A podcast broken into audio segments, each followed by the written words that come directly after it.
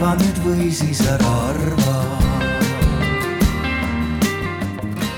kell on saanud äh, viisteist viiskümmend üheksa ehk siis kohe, kui lööb täistund kuusteist null null, siis paluksin äh, järgmise paneeli esinejad ja ka siis moderaatori siia telgi alla.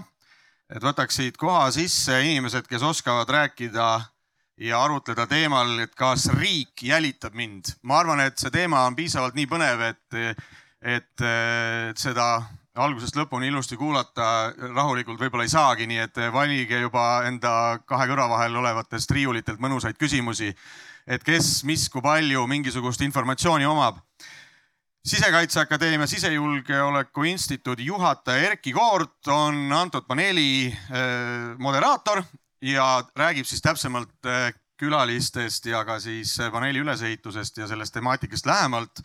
et äh, üks paneel pärast seda on veel jäänud, mis arutleb siis põgenike teemadel, nii et ka see on kindlasti huvitav see algab kell kuus.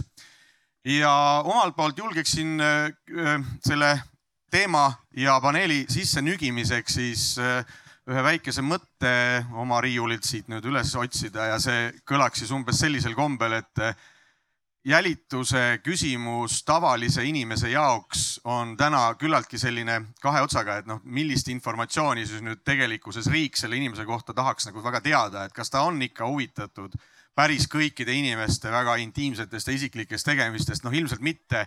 küll aga ähm, see aga sõna just täpselt sellisel kombel öelduna tähendakski sedasama, et ma tahaksin ütelda, et inimesed, kes nüüd näiteks sotsiaalmeedias või, või ka avalikkuse ees oma selliseid mõtteid jagavad, siis nad teevad seda ikkagi väga avalikult ja see informatsioon ongi lihtsalt juba nende inimeste enda poolt kõik sinna nii-öelda siis kõigile vaatamiseks välja pandud.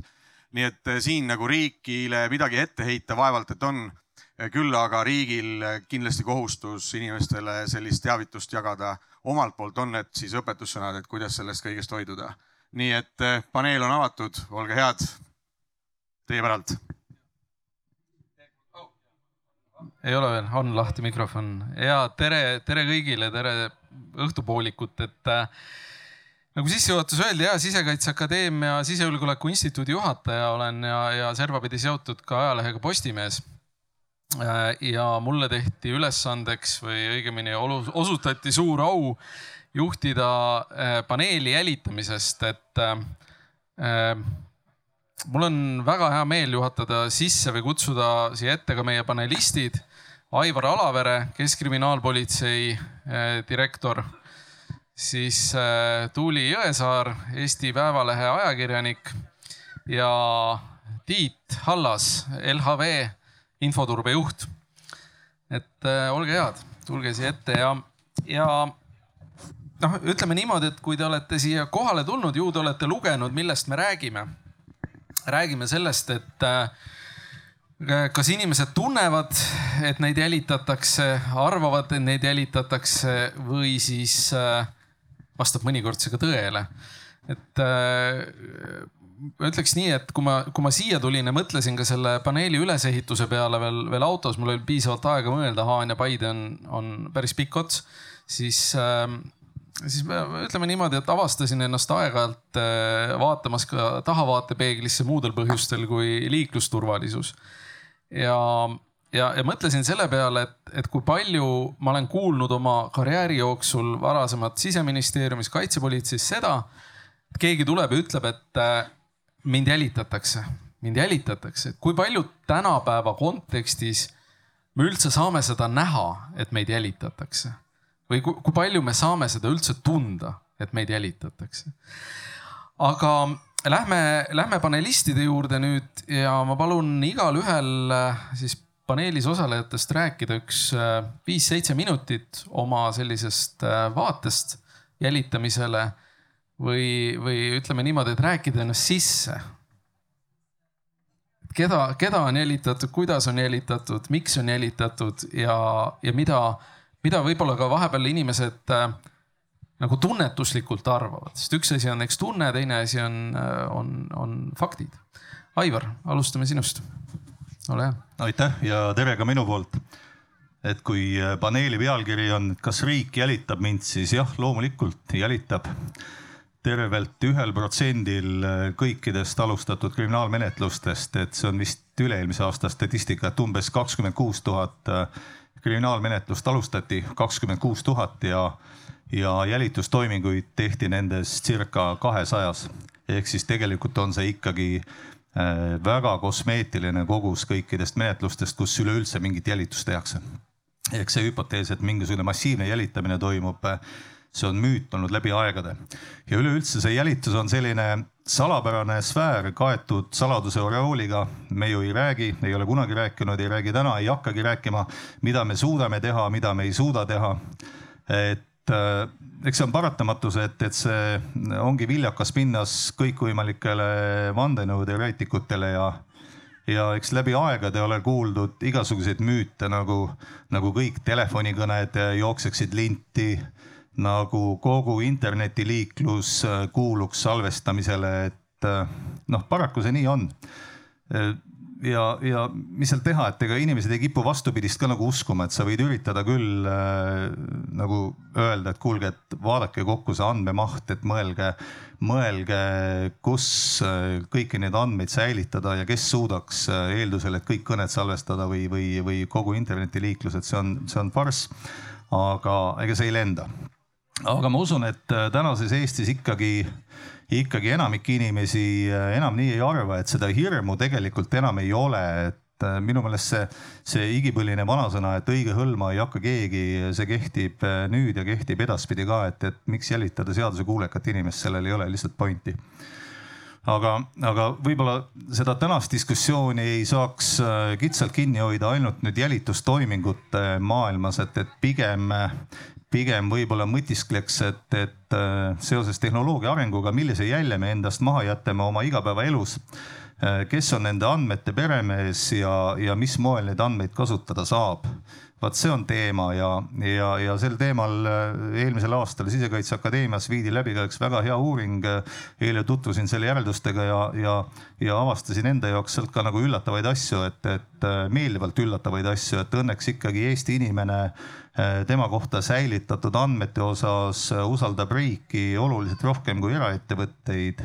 aga samas seal on ka muidugi teine aspekt, et, et äh, ega need inimesed sellegipoolest väga lahkel käel nende kohta säilitatud andmeid nüüd rohkem kasutada hea meelega ei lubaks aga see selleks, et ma tulen korra veel nende andmete juurde tagasi selles vaates, et et siin on olnud äh, poleemikat andmete säilitamise osas, aga minu meelest see, see raskuskese on paigast ära läinud, et me peaks rääkima pigem, millistel tingimustel riik ja ma ütlen tegelikult mitte ka ainult riik, ka eraettevõtted neid andmeid kasutada saaks, see on oluline vahe. andmed peaks olema säilitatud selleks, et vajadusel neid kasutada. Ja, ja see kasutamine, vot see on võtmesõna, et, et kui range eelkontroll, otstarbekuse kontroll nende andmete kasutamisel olema peaks. jälituse juurde tagasi tulles, see kohati on läinud juba, juba üle mõistuse keeruliseks, et vaesed prokurörid ja vaesed kohtunikud publitseerivad äh, kümnete lehekülgede kaupa jälitustoimingute lube, kus on ennekõike selle äärmusliku vahendi ladina keeles ultima ratio põhimõte lahti kirjutatud, et miks just on kedagi jälitada vaja, et, et kas tõesti mingisuguste lihtsamate meetoditega seda teha ei saa ja, ja kui näiteks äh, narkokurjategijate menetluses tulevad need load äh, kergemini, et see on kuidagi lihtsamini mõistetav, et jah, narkopätid, et noh, neid ikka nagu võib jälitada, siis valgekraelises kuritegevuses, korruptsiooni kriminaalasjades, äh, majanduskuritegudes, seal on see tunnetus kuidagi õhukesem, kuidagi õrnem, et, et seal tunnetatakse, et piirid ei ole selged, asjad ei ole selged ja ja, ja noh, ma olen neid lube hästi palju aastakümnete jooksul juba lugenud, et, et äh, mõned on ikka paraja, paraja eepose mõõtu juba annavad välja, et, et eks, eks see hirm on, et, et ega, ega väga kergekäeliselt neid lube meile ei anta ja, ja nagu ma juba alguses ütlesin siis, siis üks protsent kogu äh, kriminaalmenetlustest on, on see, kus ainult jälitustoiminguid äh, teostatakse Erki, kas mu viis minutit oma sisserääkimist on läbi? Äh, viis minutit ja nelikümmend sekundit. no näed. jälitasin sind ajaliselt, aga Tiit, ole hea. ja aitäh. Äh, Hollandis on selline uuriv ajakirjandusorganisatsioon nagu Bellingcat ja, ja Bellingcati kohta on kirjutatud äh, päris hea ja huvitav raamat, soovitan lugeda aga üks lause, mis mulle sealt meelde jäi või lõik või kirjeldus oli, räägib sellest, et et kahekümne aasta eest oli Ameerika kolmetähelistel organisatsioonidel, kes tegelevad ka mõnevõrra jälitusega, see informatsiooni saadavuse nii-öelda siis lähtepunkt oli umbes üheksakümmend protsenti oli luure ja koputajad ja igasugune selline noh jälitus ja kümme protsenti oli siis avalikud allikad, andmekogud ja muu selline. täna on see vastupidi, ehk siis umbes kaheksakümmend viis, üheksakümmend protsenti informatsioonist, mida luureteenistused koguvad, Bellingcati sõnul siis, eh, tulenevad avalikest allikatest, inimese enda poolt avaldatud informatsioonist ja see ülejäänud kümme, viisteist protsenti on see, mis tuleb klassikalisest luurest. see omakorda paneb mõtlema, et, et suure tõenäosusega täna luureteenistused välismaal ei ole palkamas mitte katusel jooksvaid James Bond'e, vaid pigem neid inimesi, kes kehalises kasvatuses väga edukad ei olnud, küll aga oskavad äkki arvutiga ringi käia ja Google'isse informatsiooni üles leida nüüd küsimus, miks see nii olla võib? hea küll, meil on informaatika areng ja meil on, meil on kogu arvutivõrgunduse areng ja, ja kogu see informatsiooni töötlemise hulk. seal on kindlasti sotsiaalsed aspektid, millest teised inimesed oskavad paremini rääkida. mis inimesi paneb neid äh, likee koguma ja likeide saamise eesmärgil siis enda kohta infot avaldama. aga kui me nüüd mõtleme selle peale, et kui palju tegelikult ja mille nimel inimesed oma privaatsusest ise loobuvad, eks ju, et, et ka ma olen neid infoturbekoolitusi läbi viinud ja inimestega suhelnud neil teemal nagu päris palju ja jälginud sotsiaalmeedias inimesi ja, ja nad teevad ikka natuke naljakaid asju, et äh, meil on, eks ju, Facebook, kus kohas on need igasugused mängud ja, ja erinevad sellised äh, mõistatusülesanded.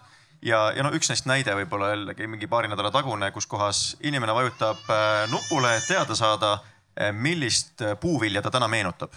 Nüüd inimene läheb sinna lehele, ta vajutab seda nuppu, et teada saada, et näita, milline puuvilja olen mina täna ja selle jaoks, et seda informatsiooni nüüd saada, mis on täna hästi oluline, eks ju, sa loobud äh, oma privaatsusest, sa annad ligipääsu oma piltidele, oma seinale, oma sõprade kontaktandmetele ja kõigele muule veel.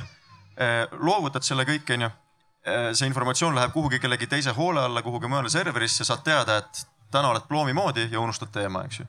ja nüüd, kui see informatsioon sinu piltidega ilmub kuskil mujal siis me räägime, et Facebook justkui on kuritarvitanud minu privaatsust ja toimuvad need tohutud Cambridge Analytica case'id kuskil Ameerikas, kus, kus räägitakse, et Facebook ei austa privaatsust, aru saamata, et tegelikult olen sellest kõigest justkui nagu ise loobunud, onju.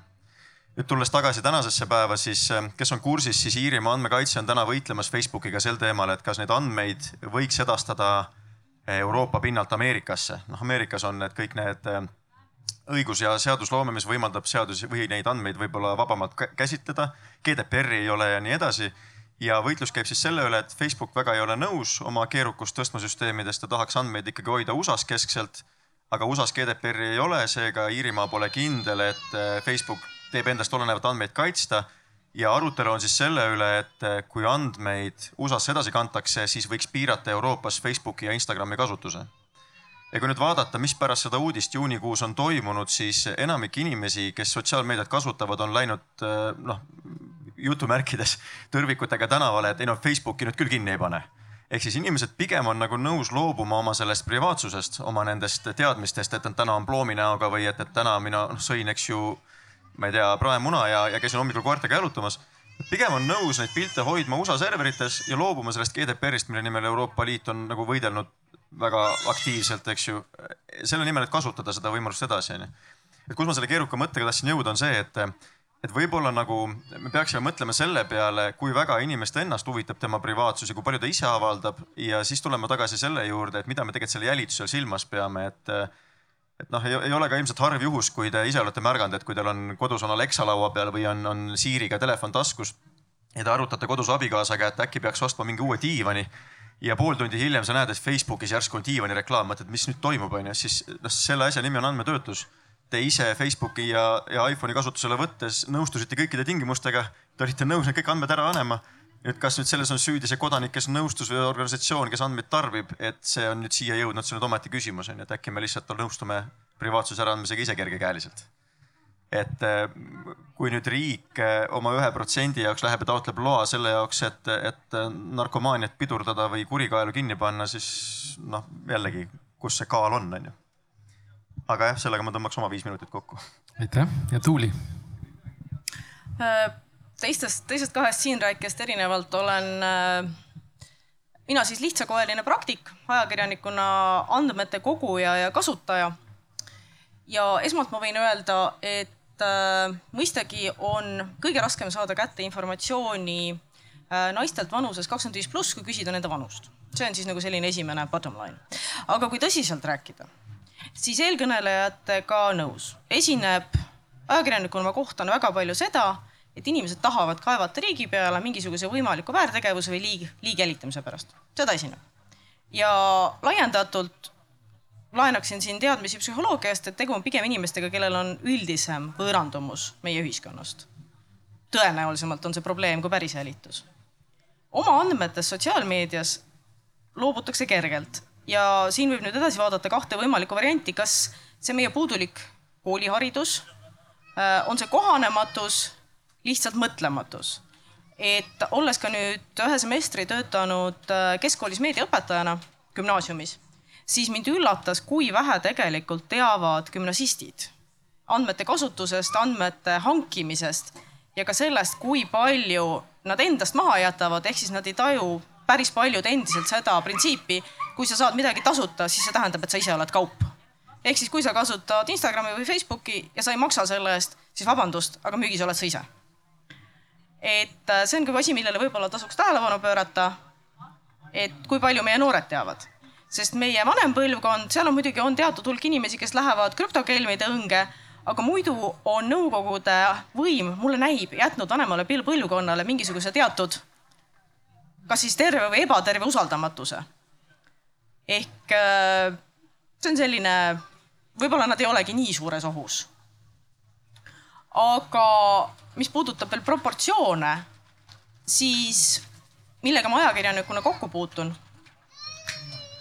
mul oli praktiliselt võimatu saada andmeid selle kohta, õigemini mul oligi võimatu saada andmeid selle kohta, kes on need puidufirmad, kes toovad Vene puitu sisse. Äh, minuga jagas seda huvi Keskkonnaministeerium, kes ütles, et ka nemad ei saanud seda Maksu- ja Tolliametilt kätte, sest tegu on ärisaladusega. ehk siis ma võin vaadata ükskõik millise Eesti puiduärimehe kohta, kus ta elab, mitu kinnisvara tal on, kas midagi on hüpoteegis aga ma ei tohi teada, kas tema ettevõte toob sisse sanktsioneeritud kaupa. et lihtsalt sellise mõttega lõpetan oma jutu. ja ma pean, võin öelda siia, et ka Postimees oli sellega hädas.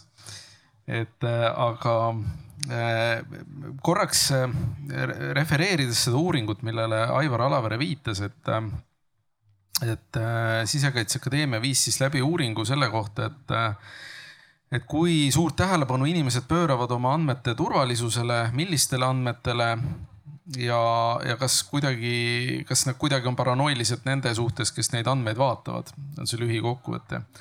ja kaheksakümmend üheksa protsenti küsitletutest, küsitluses osales tuhat inimest.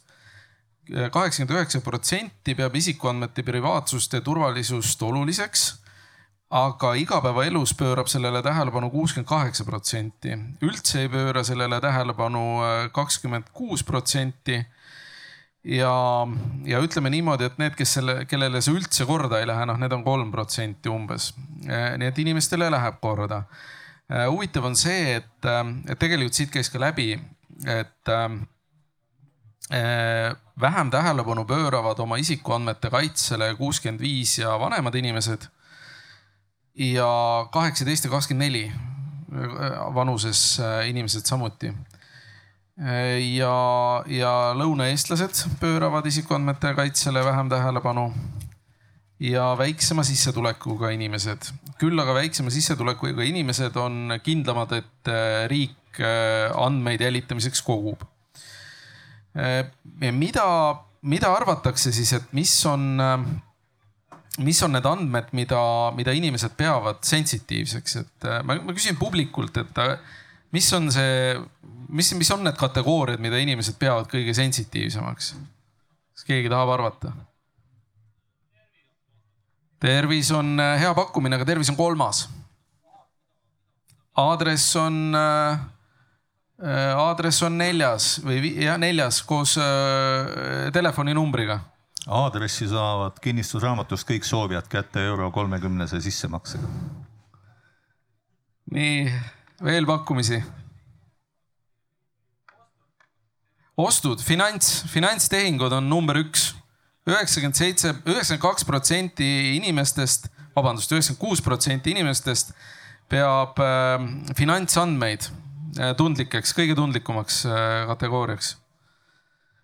Järgnevad äh, suhtlusandmed ehk äh, igasugused telefoni ja, ja meilisuhtlusandmed, terviseandmed on kolmas Ee, siis edasi tulevad, eks kodune aadress, telefoninumber ja isikukood ja sünniaeg. ehk et tegelikult on kaks esimest kategooriat, finants ja suhtlusandmed, need, mida tegelikult hoiab ja, ja suures osas ka kogub erasektor. ehk et kui vaadata nagu seda, seda proportsiooni, siis, siis erasektori käes olevad andmed, mida riik, tõsi, saab küll kasutada teatud tingimustel on, on olulisemad. Aivar, kui sa nüüd võtad selle, sellesama näite, mis sa tõid, üks protsenti on ju jälitust. nüüd sama see finantsandmed, kõige tundlikumad, noh arvestades seda mahtu, eks, mis erasektoril on, siis millise pilguga sa nagu tuleviku andmekogumist vaatad? No ma vaatan lootusega, et, et see andmete kogumine ja vähemasti säilitamine nagu jätkub, et siin me peamegi lahku lööma kaks, kaks tegevust, andmete säilitamine ja andmete kasutamine. et kui riigi puhul peavad olema mingisugused menetlused, mingid regulatsioonid, siis ega me tegelikult erasektori puhul muidugi ei tea seda, et erasektor reeglina kasutab seda oma ärilistel eesmärkidel, et, et no ennekõike reklaamiks, oleme ausad. Aga võib-olla ma lähen natukene filosoofilisemaks, et, et kogu see kogu see andmete ja see privaatsuse teema on ju, ju kollisioonis turvalisusega, et ei ole võimalik äh, tagada absoluutset turvalisust ja absoluutset privaatsust äh, ühel ajal, et, et nad äh, on mõnevõrra ikkagi vastanduvad väärtused ja, ja üht saab rohkem tagada teise arvelt ja küsimus ongi selle mõistliku tasakaalupunkti leidmises. et nüüd, kui ma võtan selle politseiniku vormi seljast ära ja, ja, ja üritan mõelda, kuidas ma tunnetan ennast nagu, nagu kodanikuna siis äh, ma pean äh, nõustuma Erki poolt viidatud uuringus äh, toodud mõnele näitele seal. ilmselt vanus läheb ka sinnamaani juba, et, et kui avad mingisuguse veebilehe ja seal küsitakse, küsitakse nõusolevat klikki, et, et kuhugi siseneda, siis ka nagu noh, tegelikult nagu väga ei mõtle, et, et paned muljud selle okei okay ära ja siis lähed kolad ringi seal, et, et, et eks ma usun, et tegelikult enamik nendest seda, enamik meist seda niimoodi teeb, aga aga pikemas tulevikus noh, ma loodan, et see teadlikkus tõuseb. Erki jättis seal äh, veel siiamaani märkimata, et põhilise ohuna inimesed näevad äh, küberkuritegevust. et äh, see on üks see koht, kus täna ja ka, ja ka homme selle küberhügieeniga on meil kõigil palju tööd teha, et see algab lasteaiast ja, ja lõpeb vanadekodus ja, ja puudutab absoluutselt kõiki ja ja see on tõesti see koht, kus, kus küberkelmidel on, on töömaa piiritu ja, ja, ja ulatub üle ookeanide ja üle mandrite.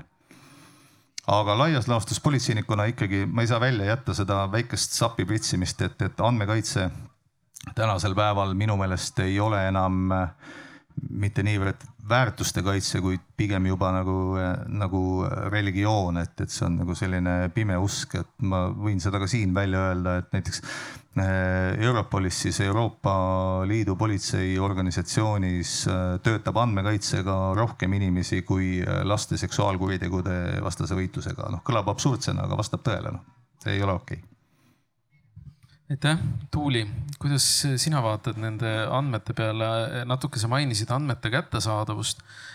Ehm, noh, näiteks seesama kriminaalmenetlus, et kas varsti on see aeg, kui kriminaalmenetlustest ja kohtupidamisest enam artikleid ei ilmu? ma ei tea, ma ei saa seda teada, aga kui see peaks niimoodi olema, siis ma ei oska selle peale mitte midagi öelda, et aga ma, ma loodan, et see nii ei lähe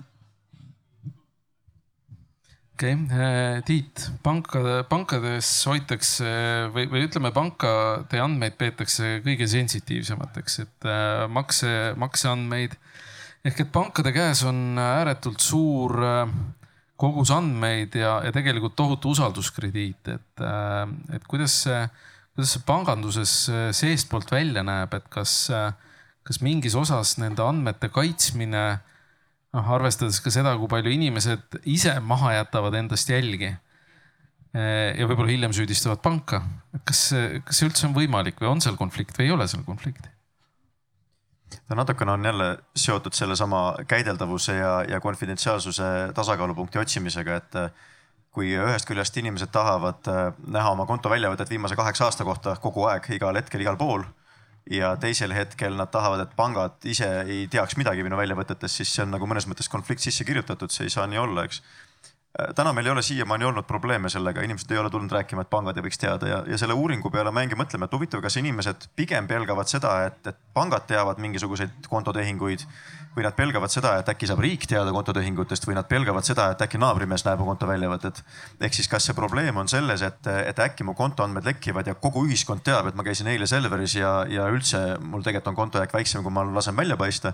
või on probleem selles, et, et mingid konkreetsed institutsioonid ei tohiks väljavõtteid näha, vaata. ma, ma pigem arvan, et see on see naabri hirm Äh, mina ja... lisaks veel, vabandust, ma segan vahele, ajakirjanike häda. Äh, kuidas see küsimus seal sõnastatud oli, sest üks äh, point, mille mina võib-olla lisaksin, on see, et aastaid on Eestis kultiveeritud kõigi töötavate inimeste hulgas seda, et pangasala, et palka ei tohi avalikustada, et väga võimalik, et selle küsimuse vastus on seotud ka sellega, et mis iganes eraettevõttes töötajale on pähe taotud, et ta jumala eest ei tohi kellelegi öelda, kui palju ta raha teenib ehk äh, kuidas, oleneb, kuidas see küsimus oli sõnastatud, et see võib olla ka sellega seotud? seda, seda võib-olla ka, aga, aga, aga vaadates võib-olla mingeid inimgruppe, kes äh, jällegi püüdes mitte stereotüüpe luua, aga, aga elavad äh, Lasnamäel oma vanemate juures, aga sõidavad ringi X6-ga, eks ju, siis noh, see on jälle koht, kus kohas sa võib-olla tahad näida midagi, mis sa ei ole ja siis on võib-olla halb, et kui inimesed näevad, et sa sööd kuu lõpus makarone näiteks, no võib-olla see on see jällegi naabri silmis parem välja näha tahtev püüd või midagi sihukest, miks oma andmeid kaitsta et ma ei kujuta ette, mis see muu seal nagu võiks olla, aga, aga vastuseks su küsimusele, kuidas pangad kaitsevad, kaitsevad väga palju, et infoturbe inimesi otsitakse ja infoturbesse panustatakse, infosüsteeme otsit-, testitakse ja turvatestitakse pidevalt ja järjepidevalt. ja, ja mis seal salata, ka regulaator on väga hoolas meid järele valvama, ehk siis äh, finantssektor nii Eestis kui ka Euroopas üldse on üks järelevalvatumaid äh, sektoreid üldse keda, keda pidevalt küsitletakse ja kontrollitakse, et kuidas me ikkagi oma asjadega toime tuleme ja milliseid kontrollmeetmeid me oleme rakendanud ja kuidas kontrollmeetmeid kontrollitakse ja nii edasi, et seal on äh, terved eraldi osakonnad, kes kontrollivad, et kontrollid töötaks piltlikult öeldes. okei okay., noh, teatavasti Eesti üks selline, selline, tähendab õiendan ära selle, selle vastuse, ma, ei mäleta, kuidas see oli sõnastatud, see küsimus. noh, suure tõenäosusega on selle finantsandmete äh, osas nii-öelda erinevad komponendid, et üks asi on see, et, eh, et tõesti, et sa ei noh, ei tohi avalikustada, no kas sa nüüd mõtled selle peale või ei mõtle. noh, mina riigiametnikuna olen kogu aeg olnud olukorras, kus eh, minu palgaandmed on pidanud olema avalikud jälle, et, et ma, mina nagu noh, ei oska seda karta. samas on, on natuke jabur olukord, kus ametniku andmed, palgaandmed on avalikud, samas organisatsioonis töötava töölepingulise inimese palgaandmed ei ole avalikud, et isegi kui nad töötavad samas osakonnas, et eh, noh, natuke, natuke jabur, aga see on, see on juba teine teema.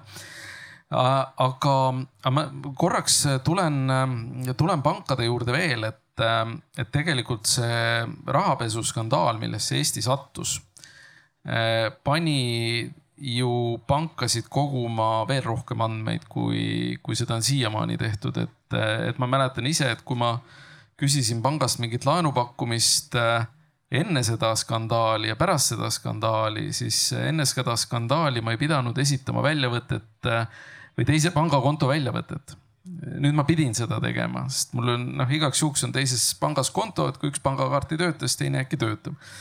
et, äh, et kui noh, et kas me, kas me nagu mõnikord neid andmeid kogudes või tahtes mingisuguseid kraane kinni keerata hakkame koguma hoopis rohkem andmeid, mis võib-olla ei täidagi taotletavat eesmärki. Tiit ma igaks juhuks ütlen ära, et äh, rahapesu tõkestamise ekspert ma ei ole, seega avaldan enda arvamust, aga, aga absoluutselt me kogume sellega seoses või küsime inimestelt rohkem andmeid, kui, kui varem küsiti. Äh, paljuski tuleneb see sellest, et seadused kohustavad meid selleks ja, ja, ja paljuski on, mis seal salata, see ka nii-öelda sanktsioneer-, sanktsioonide hirm võib-olla ka, sest et ega ega täna ei ole, rahapesu tõkestamise osas minu hinnangul reeglid ei ole teab mis selged, on alati niisugune hindamise koht, sa pead ise hindama, sa pead ise vaatama, rakendama hoolsusmeetmeid ja siis aastaid hiljem tullakse ja öeldakse sulle, et valesti hindasid et siis pigem võib-olla mõned pangad, kes on äh, sattunud siin hammasrataste vahele, on mõnevõrra konservatiivsemad, küsivad rohkem, võimaldavad vähem ja on selles mõrra nagu noh, nii-öelda kartlikumad nende sanktsioonide osas. teised üritavad siin natukene võib-olla lõdvemalt asju võtta, sellest see ebaühtlus. Aga vastuseks äh, andmete töötlemise osas siis äh, absoluutselt kogutakse ju rohkem, küsitakse rohkem. isegi olen pidanud äh, siin kinnisvara soetades või suuremaid ülekandeid tehes selgitama veel täiendavalt, kust ikkagi see raha päritolu on, kust, kust tuli ikkagi üle kümne tuhande eurone nii-öelda ülekande see lähtepunkt, et mis sest, et ma ise kogusin teise konto peal, ikkagi põhjendasin ja pidin saama mingi kooskõlastuse. ehk siis neid küsimusi on absoluutselt rohkem ja jälgimist on rohkem ja mõõtmist on rohkem ja seda bürokraatiat on rohkem, aga, aga ilmselt on see siis hea asja nimel, et takistada raha pesemist Aivar, rahapesu andmebüroo ei ole küll enam Keskkriminaalpolitseis, aga kas, kas me saame rohkem andmeid kogudes tegelikult selle taotletava eesmärgi täidetud või, või me teeme elu keerulisemaks iseendal ja, ja ka teistel? no ainuüksi andmeid kogudes ma arvan, et me eesmärgile lähemale ei jõua, et, et võtmesõna on ikkagi nagu andmetöötluse efektiivsuse kasv ja ja ma usun, et see läheb äh, hästi kiiresti lähitulevikus nagu veel üle, et, et andmetöötluse läbi saad mingisugused suhtemustrid ja, ja nende mustrite abil saad äh, mingisuguseid otsustusprotsesse suunata, et, et ma arvan, et see kehtib ühtemoodi nii, nii äh, riigisektoris, õiguskaitseasutustes, erasektoris, et ega andmed on see magus mesi tegelikult kõigile. okei okay selles eh, eelpool viidatud uuringus, eks eh, sai ära öeldud, et enamik vastajatest leidis, et küberkuritegevus on kõige suuremaks ohuks siis andmetele, üheksakümmend viis protsenti. siis on lohakus andmetega ümberkäimisel, mis on üheksakümmend kolm protsenti, põhjendamatud infopäringud kaheksakümmend kolm protsenti ja andmete kustutamine, see on koguni üheksakümmend protsenti. et kui suureks ohuks seda pidada näiteks äh, ajakirjanduse kontekstis, äh, ma ei tea, põhjendamatud päringud, ma arvan, et iga riigiasutus on tundnud, et ajakirjanikud küsivad põhjendamatult. Noh, ajakirjanikuna, mis ma öelda saan, ma ikkagi äh, ametiau osas ma peaksin ütlema, et äh, loomulikult me teeme oma äh, päringud põhjendatult, aga üldiselt äh, nalja kõrvale heites ma tegelikult ka arvan seda, et äh, kindlasti on ka minu erialal mõni spetsialist, kes ei ole nii spetsialist, kui ta peaks olema. aga ma tahaks uskuda, et ajakirjanikud üldiselt ikkagi on haritud, oma tööd tundvad inimesed, kes teevad päringuid põhjendatud ulatuses ja on ka austavad selgituste suhtes, kui neile seda informatsiooni ei anta ja siis langetavad nii hea otsuse, kui suudavad. et selle kohta on käidud ka kohtus arusaadavalt. aga kui vaadata nagu sellist laiemat plaani, mis kohtusse jõudnud ei ole, siis üldiselt on olnud õiguskaitseorganite ja ajakirjanduse vahel küll hea koostöö reeglina. kui politsei või prokuratuur on selgitanud, et vot sellist and-, neid andmeid me teile praegu väljastada ei saa, sest et ja see on, siis üldiselt see on arusaadav, seda on austatud et reeglina ei ole mindud tülli, et ikkagi see viimane tüll, mis jõudis kohtusse, on üks näide meie vabariigi aegsest ajast ja ülejäänud aja on reeglina saadud väga hästi läbi. ehk siis on oldud mõistlikud inimesed mõlemalt poolt. nii et võib-olla ma ei saaks seda ühte põhjalikku tüli üldistada üldise läbisaamise peale. Aivar, mis sa arvad? Ja ega erand kinnitab reeglit ja ma pean sinuga nõustuma, et ega politseinikuna muidugi võiks olla nagu mugav, kui noh, nii-öelda meedia on sinu poolt ja kirjutab ainult nii vähe, kui sina parasjagu tahad, aga ega ma kodanikuna sellist, sellises ühiskonnas elada ei taha, kus, kus ajakirjandus minu taskus on, et, et ma usun, et keegi ei taha. Tiit, kas sina tahad? olles jah, ei kodanikuna on ikka tore teada, aga, aga mõeldes ka nende kohtukaasuste peale, kus kohas võib-olla meedia on pannud äh, kahtlustatavale juba sildi külge, enne kui see süüdimõistev otsus on käes, siis on äh, sellest hiljem nagu maru keeruline välja tulla, kui ma mõtlen, noh, üritan ennast panna nii-öelda sinna kahtlustatava kingadesse. ja kui sind tegelikult on juba üles poodud ja materjali justkui on nagu levitatud ja sul on juba silt küljes, et sa oled siis kas pätt või pedofiil või kes iganes ja hiljem kohus leiab, et tegelikult noh, ei olnudki midagi siis seda nagu pärast maha pesta on nagu maru keeruline, need internetti jäävad jäljed alles, eks. et selliste kohta peal ma mõtlen küll, et võib-olla meedia ei peaks alati juures olema, aga kus see tasakaalupunkt leida, on jälle niisugune hea küsimus on ju, mul ei ole head vastust. ma täiendan siin, et ma usun, et meedia reeglina teab ise kõige paremini, et, et kus see lugu nendeni jõuab ja, ja mina arvan küll, et, et suur enamus Eesti uurivaid ajakirjanikke on nagu väga eetilised ja, ja ma julgen ka öelda, et, et meil on paljudes teemades olnud ka sellised kokkulepped, kus me oleme palunud, et kuule, et oota kaks nädalat et me realiseerime selle asja ära ja, ja siis sa saad oma loa noh ja, ja, ja sellest kokkuleppest on kinni peetud ja, ja ka meie oleme kinni pidanud. aga meedia kohati, nüüd on väike kriitika, et, et äh, mõningate kaasuste pinnalt, et ta võiks olla lihtsalt natukene allikakriitilisem ja mõelda, et, et kas meediat ei üritata ära kasutada nagu teise poole huvides, et, et kujundada just nimelt nagu vastupidist fooni juba endale sobivat, et ka neid juhtumeid on ka olemas, et see allikakriitilisuse teema on aktuaalne nii, nii politsei kui, kui meedia puhul. alati tuleb mõelda kinnitan absoluutselt kaasa, tõsi, nii on, allikakriitilisust on vaja, et ma ei tea, kuhu sa praegu, millisesse kapsaaeda sa täpselt kivi sihtisid, et seda võime hiljem sirgeks kakelda, aga üldiselt põhimõtteliselt ma olen sinuga nõus. mitte sinu kapsaaed aga ma, ma toon nagu selle või, või lähen siit edasi, et, et tõsi ta on, et, et noh, meedias süüdimõistmist, mis hiljem päädib õigemõistva kohtuotsusega, noh, oleme me Eesti ühiskonnas näinud ja, ja näeme ka edaspidi järgneva kümne ja kahekümne ja mis iganes aastate jooksul, et see on nii vana, kui, kui ilmselt inimkond on.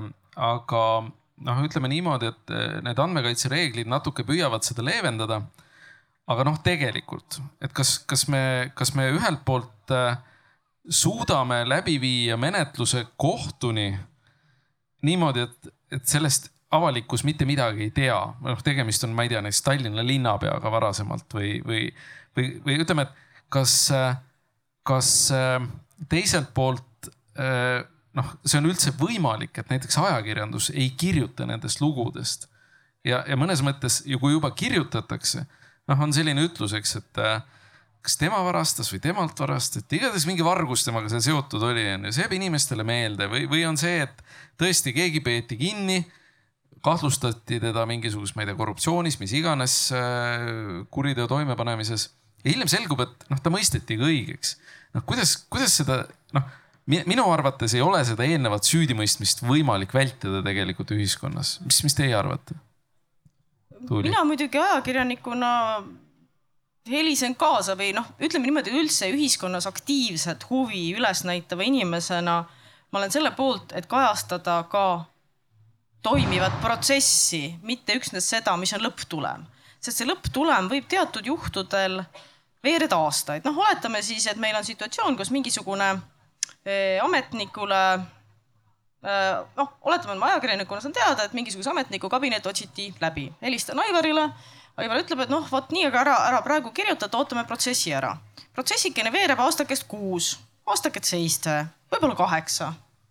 et kas meil tõesti siis inimestena ei ole õigus selle kaheksa aasta vältel teada, et seda inimest kahtlustatakse, sest noh ajakirjanduse puhul muidugi meile jääb ajakirjanikena vastutus, et me peamegi kirjutama, et seda isikut kahtlustatakse, mitte et see isik on varas, röövel ja kabakas, vaid et seda isikut kahtlustatakse põhjusel A, B ja C. ja noh, võib-olla siis tõesti, et äh, siis tuleb, et noh, süüdistatakse ja nii edasi. et ma leian lihtsalt mitte ainult ajakirjanikuna, vaid ka inimesena, kes tunneb ühiskonnaelu vastu huvi, et ma tahaksin seda teada, sest selle inimesega seotud protsessid ja tema teod käivad samal ajal edasi ja toovad kaasa endaga muutusi, mida ma muidu ei oska hinnata, kui ma ei tea selle võimalikku tausta.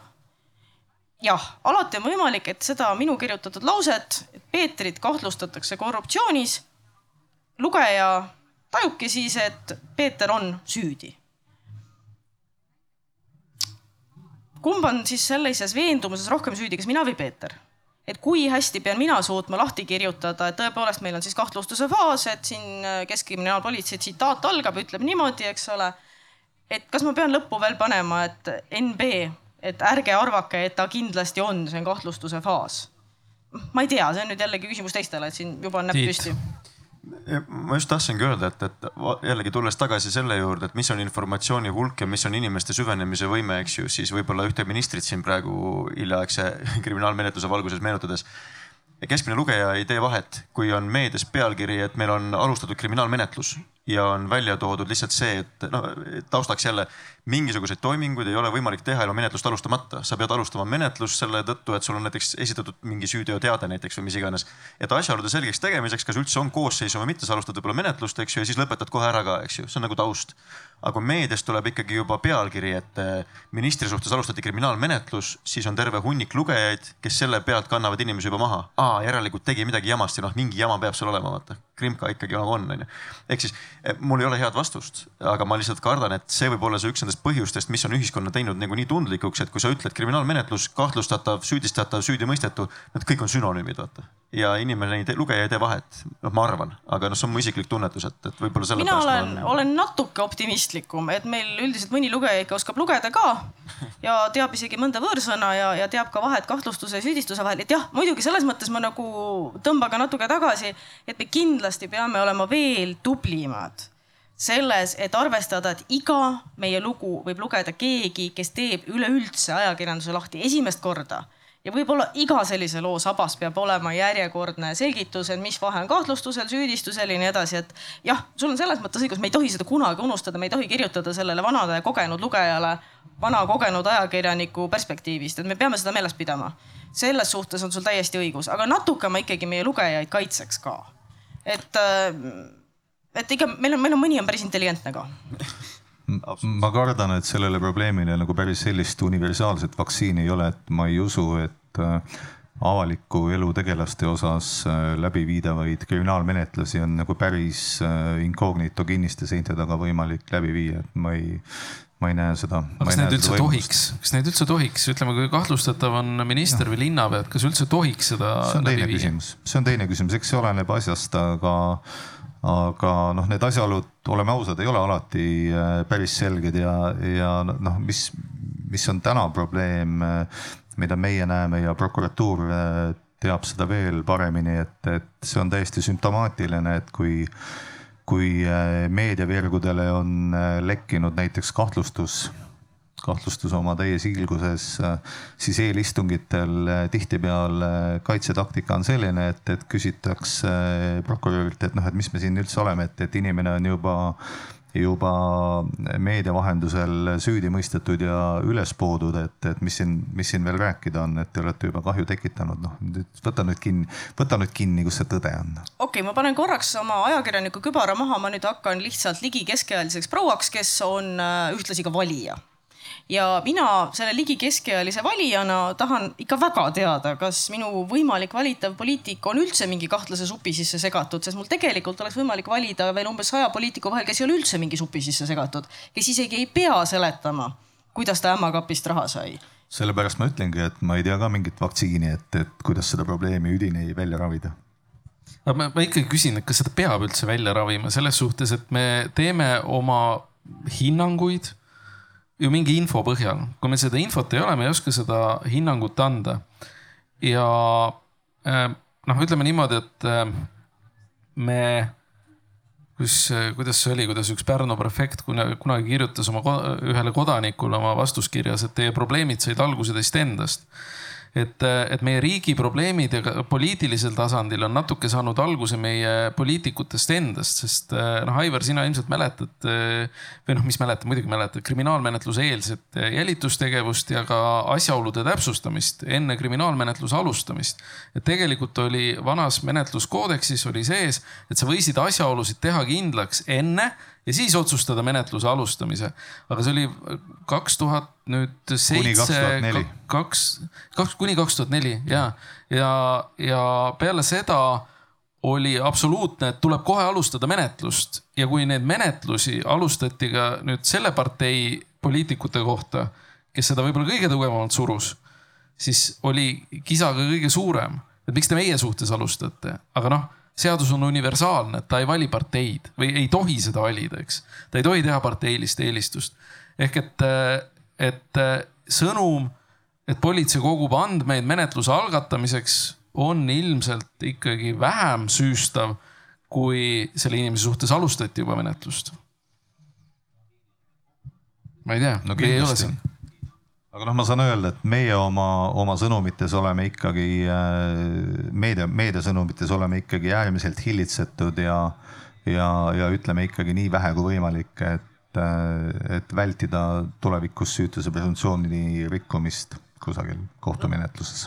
tegeva ajakirjanikuna ma ütleks tõesti niimoodi, et äh, olenemata sellest, milline on siis see sõnastus, et kas kogutakse andmeid äh, või et menetlus alustati.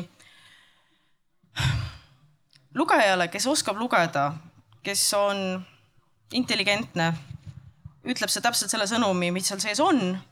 aga kui seda loeb inimene, kes on kas siis nii-öelda see juba äh,, kuidas ma ütlen, mitte eriti haritud või siis mingi teatud dispositsiooniga selle isiku suhtes, siis ei aita ükskõik, mismoodi sa seda sõnastad.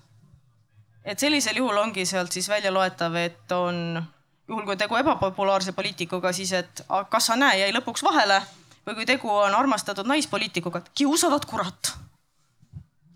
Tõsi, aga, aga rääkides veel jälitamisest ja, ja menetlusest, et kui jälitus on jõudnud nüüd sinna faasi, et otsitaksegi läbi mõne, mõne tuntud poliitiku kabinetti näiteks, et Tuuli, et eh, kas selles olukorras eh, on, on üldse võimalik nii-öelda ajakirjanduse poolt äh, seda infot mitte vahendada, selle, selles suhtes, et infot on väga vähe.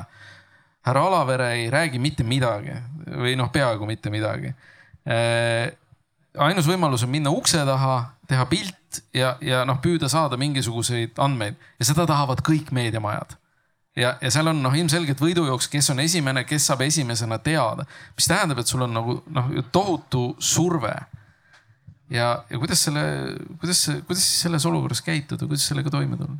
Erki, sa eksid, et ma räägin palju, aga ma ei ütle midagi sellisel puhul. tsitaadi saab tõesti politseilt alati kätte, lihtsalt kui sa oled selle kirja pannud, saad aru, et midagi ei öeldud ei, aga kui nüüd, kui rääkida ideaalmaailmast, siis äh, ide-, ideaalmaailm oleks kindlasti selline, et me võtame teadmiseks, läbiotsimine toimus, siis me teeme neli päeva lugu, suhtleme kõigi allikatega, siis avaldame viis rida siis on Postimees ja Õhtuleht selle loo ära teinud juba.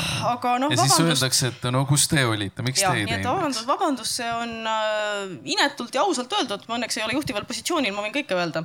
et äh,, et paraku jah, niimoodi on, et me paneme selle vähese informatsiooni välja. aga see oli ilmselt jällegi naiivselt öeldud, aga ma arvan, et see on äh, et meie ajakirjandus saab nii käituda, on samamoodi hästi suur kiitus Eesti politseile. sest ma ei mäleta juhtumit, kus sellise sisuliselt mõttetu pisiloo avaldamise järel oleks politsei pärast pidanud vabandama, et äh, jooksime vale ukse maha või et, äh, et ei olnud nagu asja midagi, et kõigil sellistel juhtumitel, mis on avalikuks tulnud, on isegi kui kahtlustus ei ole osutunud kohtus lõplikult tõendatuks, on sellele eelnenud tõhus kohtuvõitlus. ehk siis Eesti politsei ei jookse uksi maha ja linnaametnike kabinette üldiselt läbi ei otsi, ilma et neil ei oleks vähimatki alust. ja ma kahtlustan, et me oleme lihtsalt ajakirjanikena hakanud seda usaldama. Aivar, mis, mis te teete, kui te vale ukse maha jooksete, mis te teete nende andmetega pärast?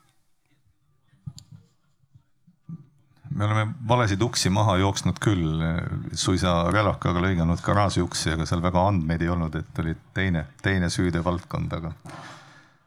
aga ei, noh, kui tõsiselt rääkida, siis äh, ma ei mäleta, et me nüüd sihik nii viltu oleks olnud, et me nüüd päris vale ukse taga oleks, oleks nüüd nuuskinud Tiit, kui äh, selgub, et pank on kogunud äh, andmeid vale Erki Koorti kohta, mis te teete nende andmetega?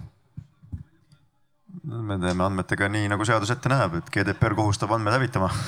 andmed, andmed kustutatakse või ofuskeeritakse või, või noh, nii-öelda andmetelt võetakse küljest ära identiteet, et neid ei oleks võimalik seostada isikuga, kui, kui nii tuleb välja, aga aga üldiselt äh, nii-öelda tervikluse viga, kus kohas andmed on seotud vale isikuga, on juba niivõrd suur äh, andmetöötluslik rikkumine, et kindlasti sekkuvad siin juba Andmekaitse Inspektsioon ja, ja Finantsinspektsioon ja kõik erinevad inspektsioonid, kes, kes tahavad siis midagi arvata selle kohta. et reeglina selle nimel me tööd teeme, et ka siuksed absurd juhtuks. kui palju andmeid vedeleb, kui palju andmeid, me rääkisime siin, et inimesed jätavad endast andmeid maha. kui palju andmeid saab kergesti kätte niimoodi, et näiteks ei peagi mingit äh,, sisuliselt mitte midagi tegema? Tuuli, loo jaoks hakkad tegema lugu korrumpeerunud linnaametnikust. kui palju saab andmeid niisama kätte? eks ta oleneb, mõni peidab jälgi natuke paremini, mõni natuke kehvemini, aga üldiselt äh, no nii, nii üldine küsimus sellele on, on sama üldiselt raske vastata. reeglina üht-teist saab kätte, küll aga ma tooks äh, vastupidiselt jällegi selles mõttes teistsuguse näite, et mul on endal praegu käsil lugu, kus äh, inimene postitas sotsiaalmeediasse võrdlemisi leebe lause, äh, millega nüüd teda hagetakse rohkem kui tema kümne aastapalga ulatuses. sest ta solvas valeisikut ja ta ei tulnud selle pealegi, et see keskkond on rohkem kui või vähem avalik ja et tema andmed on vägagi kättesaadavad. et see tema jaoks niimoodi lõpeb. et inimesest kui sellisest on mul muidugi kahju. aga illustratsioonina jah, andmed vedelevad maas. või on kättesaadavad neile, kes seda soovivad okay., Aivar. no kui see sõna vedeleda asendada sõnaga, et on kättesaadavad avalikult kõigile, siis on see väga suur andmeallikas ja, ja nagu Tiit ka oma sissejuhatuses tegi, et see klassikalise Inteli versus Osindi ehk siis open source intelligence osakaalud on, on muutunud äh, kardinaalselt ja ka, ja ka enda kontori vaatevinklist võin öelda, et ma usun, et, et, et sotsiaalmeedia on äh, on äh, vähemasti sama oluline andmeallikas kriminaalpolitseile kui, kui meie enda jälitusandmebaasid siis, kuhu me oleme oma, oma valgust äh, mittesalliva tegevuse dokumenteerinud, et, et äh, jah andmeid on igal pool, et me ei saa öelda, et nad on laokil, aga, aga nad on saadaval inimeste poolt vabatahtlikult jäetud sinna, et kunst on nüüd seoste loomises ja nendest õigete järelduste tegemises mis aasta, oskad sa öelda, mis aastal see nihe toimus, et kuna politsei andmebaasis hakkas olema vähem kui sotsiaalmeedias? ma aastat ei oska tuua, aga ma arvan, et ta on kuidagipidi äh, korrelatsioonis võib-olla selle ajaga, kus, kus oli, kus sai üldtuntuks või teada, et et äh, mobiiltelefoni saab pealt kuulata, siis äh, pahalased äh, noh, ütleme siis niimoodi, et oma, oma patusest tegevustest mobiiltelefonisse kõnelemise sisuliselt lõpetasid, läksid üle teistele kanalitele ja ja, ja kusagil on vaja neil ju suhelda, et, et ma arvan, et ta on sellega seotud, ega siin nüüd ühte niisugust aastanumbri vahetamist mingit. võis ta olla mingi kaks tuhat kümme, varem, hiljem? kaks tuhat kümme edasi, ma arvan jah. okei okay., Tiit ma oleks öelnud sama, ma oleks öelnud kaks tuhat üheksa tegelikult ja mina seostan seda selgelt äh, telefoni ekraani suurusega. sel hetkel, kui tulid, äh, tulid nutitelefonid, jõudsid Eestisse, kaks tuhat seitse oli see, kui iPhone'id esimesed USA, USA-st tulid siia turule ja Android hakkas tegema värvilisi ekraane. mis tähendab, et paranesid telefonis foto, fotode vaatamine, paranes internetiühendus, paranesid kaamerad, rohkem hakati telefoni asendama arvutiga mis tähendab seda, et inimene liikus nutikaks ja kui ta muutus nutik, nutikaks, siis telefoni mõttes ja, ja kui ta muutus nutikaks, siis ta hakkas rohkem postitama ja kui ta hakkas rohkem postitama, siis ta hakkas rohkem sisu looma ja, ja see areng tuli nagu pigem, no ma, ma näen siin seost telefoni ekraani suurusega.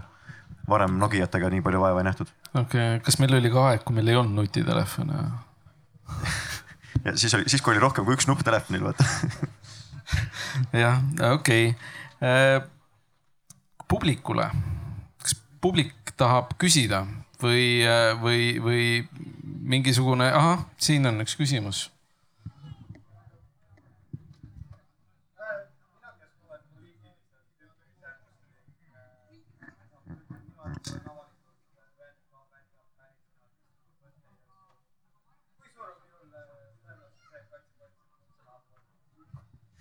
no võib-olla nad kuulavad teid praegu siin sellel alal. et esimene kontakt on juba loodud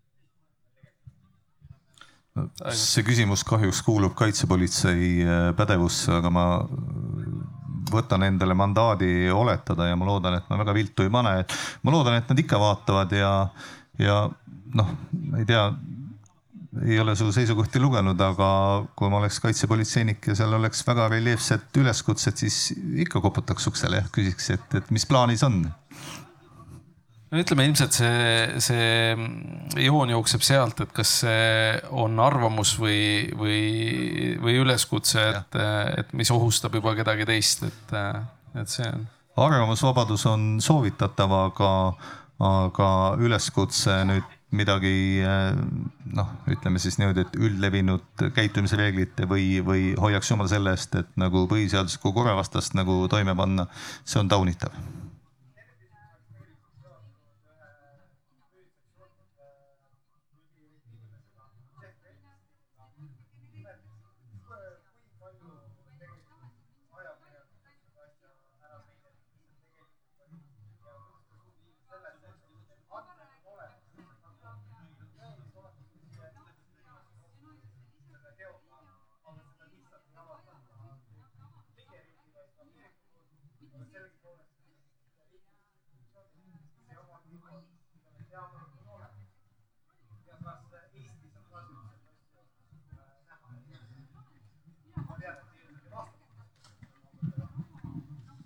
nii, kes tahab vastata? ei, kui oskaks, siis vastaks, aga, aga nende andmete olemasolu kohta, kas me teame, et nad on olemas või me arvame või eeldame, et on olemas? see oli kohtus käis läbi, sedasamasid asju kasutati tõendina, aga neid ei avaldatud kuskil meedias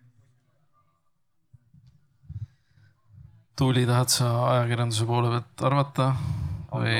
Anglo-Ameerika kohtumenetlus nojah, Anglo-Ameerika kohtumenetlust. ja, et ühesõnaga puhtalt kohtumenetlikult, menetluslikult selle kohta ei oska ma muidugi midagi öelda, sest Anglo-Ameerika kohtumenetlust ma ei ole ise kajastanud ja ma lihtsalt selle kohta mitte midagi ei tea. aga kui äh, Eestis on äh, kohtumenetlus, milles on kasutatud tõendeid, siis selle kohta on ju ka väga selge regulatsioon, et millele ma ajakirjanikuna saan ligipääsu, ehk siis alaealiste andmekaitse äh, ohvri isikuandmed, et isegi ja noh, see on ka puhtalt eetika küsimus, et kui ma kajastan mingisugust kuritööd ja ma tõesti noh, näen seal siis midagi alaealise ohvri kohta, näen midagi mm, ohvri andmete kohta, siis see on lihtsalt eetiline valik, et ma ei, ei kasuta seda, isegi kui see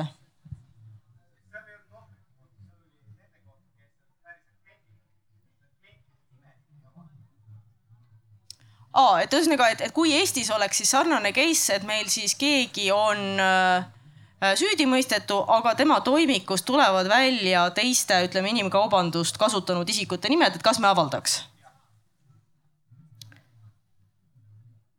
see on intrigeeriv. Äh, ma arvan, et me kindlasti prooviks seda edasi uurida, et see ei ole nüüd päris niimoodi, et äh, lugesime toimikust, et tunnistusi andsid ka Jaan ja Juhan Assa kurat, kliendid, et äh, tõenäoliselt me prooviks seda edasi uurida, suhtleks politsei ja prokuratuuriga, aga milline oleks see tulem, seda ma ei oska sulle praegu öelda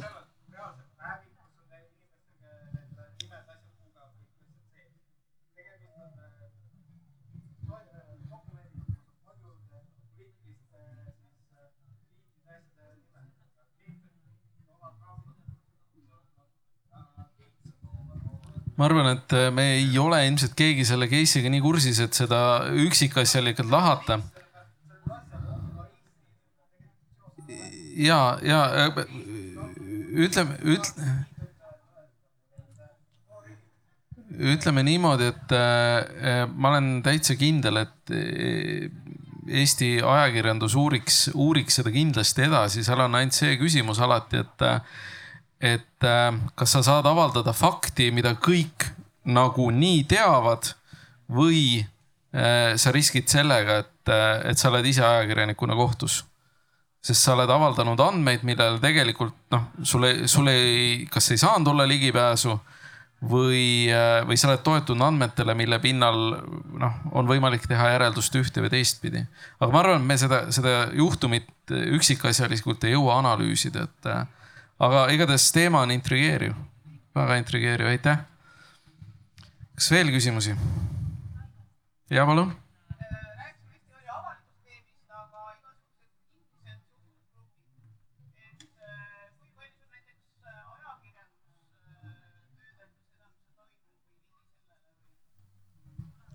Tuuli.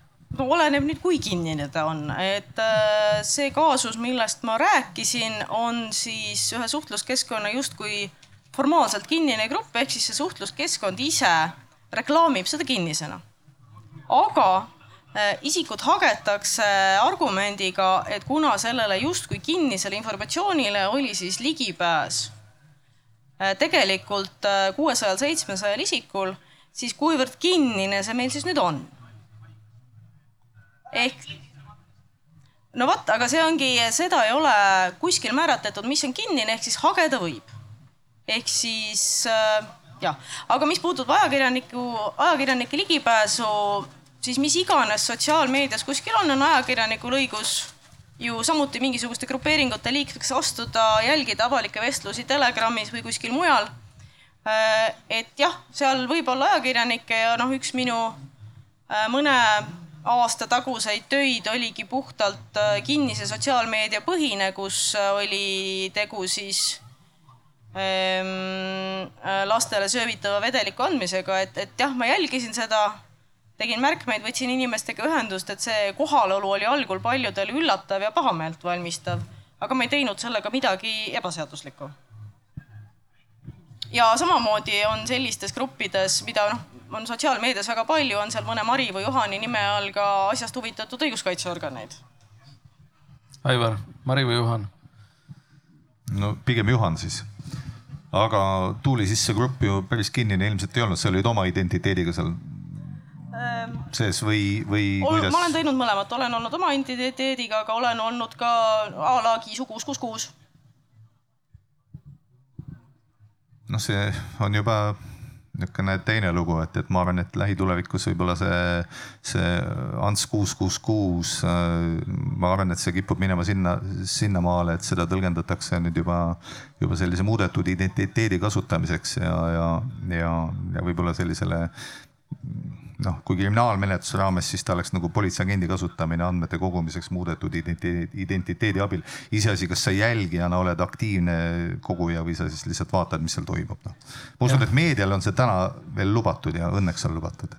no ütleme jah niimoodi, et olles näinud nii seda politsei poolt kui ajakirjanduse poolt, siis äh, ajakirjanduses on see ajakirjanduslik eksperiment, mis ei vaja prokuratuuri ja kohtu luba, aga politseis on asjad juba näed niimoodi seatud, aga. et ma siia vahele ütleks ka veel nii palju, et äh, selliseid asju me ei tee ajakirjanikena sugugi mitte ainult omaenese tarkusest ja lootusest, et äkki läheb täkkesse, vaid tõepoolest meediamajadel on advokaadid ja juristid, kes meid nõustavad. ehk siis selline Kiisu kuus, kuus, kuus sünnib ikkagi siis, kui minu firma puhul siis Ekspress Meedia äh, jurist ütleb, et nii on okei okay ja kindlasti on seesama ka teiste meediaettevõtete puhul, et ajakirjanikud ei lähe niisama lollusi tegema ja vaatama, et äkki ei jää äh, paragrahvi alla. Tiit, sina IT-eksperdina, et äh, kinnised grupid? jah ähm,, no ähm, kuidas siis nüüd öelda, kinnine grupp, mis, mis see tähendab jah, ongi küsimus, et kui ma teen grupi, kuhu ma kutsun inimesi ja ma ise luban neile nagu ligipääsu, siis kas ta on kinnine või lahtine, et ta on justkui äh, no okei okay,, piiratud ma ütleks, eks ju, noh piiratud grupp. sa võid ju sinna liituda ja kui sind vastu võetakse, siis kas ta on kinnine või ei ole, on ju, on jälle küsimuse koht.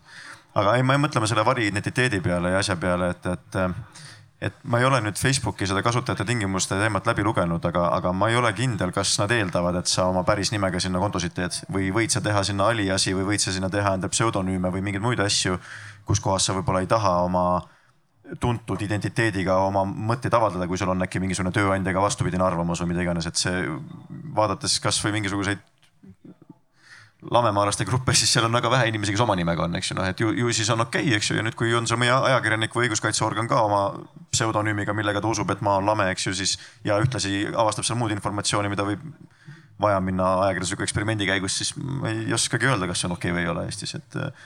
Aga, aga selles mõttes rääkides ka inimestega, kes tegelevad elektroonilise identiteediga, siis nad on tegelikult öelnud, et ega sotsiaalmeedia üks suurimaid probleeme ongi see, et, et elektrooniline identiteet Eestis ID-kaardi näol on väga hea. Mujal maailmas, eriti USA-s on ta ikkagi tegelikult väga algusstaadiumis, ehk siis sul ei ole võimalik veenduda, et, et kes see inimene päriselt selle Facebooki konto taga on, on see inimene, kes väidab ennast olevat, on see keegi teine või on see keegi neljas, eks ju, et see on noh praktiliselt võimatu kindlaks teha, meiliaadressi põhjal seda kindlaks ei tee, eks. Gaasiarveid Facebook ei kontrolli, nii et ei tea. ma küsin selle, et Eestis olid äh, selle ID-kaardi laialdase kasutusevõtu taga tegelikult ka pangad. see oli ka pankade väga suur huvi ja, ja need tasuta kaardilugejate jagamised ja igasugused muud asjad. aga miks see mujal maailmas siis ei ole pankade huvi? ma arvan, et ta mujal maailmas tegelikult pankade huvi oleks kindlasti ka. Ehm, Eesti suur eelis või miks ta tol hetkel nagu nii kähku tööle läks, olid äh, esiteks väike riik, lihtne oli teha õiguslikke muudatusi ja seadusi vastu võtta ja väga selge grupp entusiaste, kes tahtsid tööle selle asja saada, ehk siis tehniliselt pädevad inimesed. ID-kaart tekkis enne, kui tekkis äh, õigusloome sinna ümber, aga see õigusloome tekkis maru kiiresti kui vaadata, kuidas äh, sertifitseerimiskeskus täna kasvõi oma Smart ID-ga üritab minna Indiasse või teha mingeid asju, siis nad on lihtsalt nii palju mastaapsemad riigid. ja seal see õigusloome muutmine on nagu niivõrd palju keerulisem, et see lihtsalt kas võtab aega või ei ole seal seda huvi.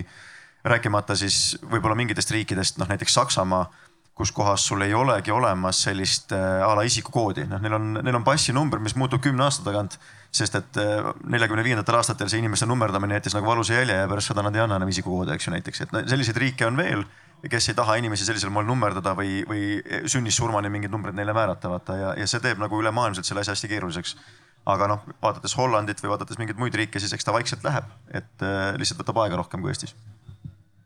Ja täitsa huvitav, et inimesed ei taha ennast nummerdada küll, noh, telefoninumber on ka number teatavasti, mis identifitseerib inimest päris palju aga kas on veel küsimusi? ja palun.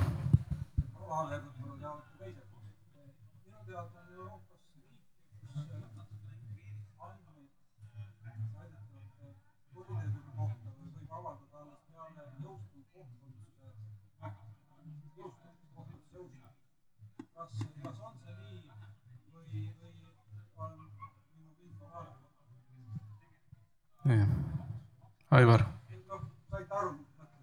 saime aru ja kahjuks ei oska täpselt vastata, aga ma kujutan ette, et äh, küllap ta ikka selle süütuse presumptsiooniga seotud on, et, et võib-olla isikuandmeid siis nagu detailselt ütleme, ei avalikustata isikuandmeid ja ei, ei kirjuta detailselt siis lahti poolelioleva asja sisu, et, et no ma arvan, et millegipärast see nii võib olla, aga, aga samas ma usun, et kui, kui need menetlusalused isikud on avaliku elu tegelased, ma ei usu, et ka kusagil Euroopa teistes riikides on võimalik seda, seda niimoodi teha, et, et äh, meedia seda üldse ei kajasta vähemasti ise meediatarbijana praktiliselt kõikidest riikidest äh, äh loed läbi viidud läbiotsimistest, mis on tavaliselt üks noh, nii-öelda avaliku menetlusfaasi esimene toiming. kui sa, kui sa nendest saad lugeda, siis noh, siis ei saa olla ju tõde see, et, et ei tohi enne jõustunud kohtuotsust kirjutada? ausalt öeldes ei tea jah, häbi mulle, kui see nii on, aga ma ei tea. mina ka ei ole ausalt öelda kuulnud, et, et seal võib olla see, et, et noh, kuidas me mingit asja nimetame, et, et näiteks noh, suure tõenäosusega ei, ei saa kriminaalmenetluse toimiku juurde mitte kusagil, enne kui on jõustunud see süüdimõistev kohtuotsus või õigeksmõistev jah, ja, ja, ja ma, ma kardan, et erinevates riikides ja õigussüsteemides noh, nimetataksegi seda nii-öelda toimikule juurdesaamist natuke erinevalt. et, et ühes deklareeritakse, et me noh, ennem ei lase toimikule juurde, teises öeldakse, et me ei lase ennem sellest kirjutada, mis põhimõtteliselt äh, tähendab ka sinna toimiku juurde äh, pääsu, sest mina, mina ka ei ole kuulnud ühtegi riiki, kus on või ma, ma ei suuda ette kujutada nagu olukorda kus see oleks võimalik, sest, äh, sest ühiskonna nagu infonälg saamaks teada võimaliku, ma ei tea, linnapea, vallavanema, ministri mingist äh, sellisest äh, noh, hämarast või, või vähemalt hämara, hämarast kahtlusest, häma, hämara kahtlusest.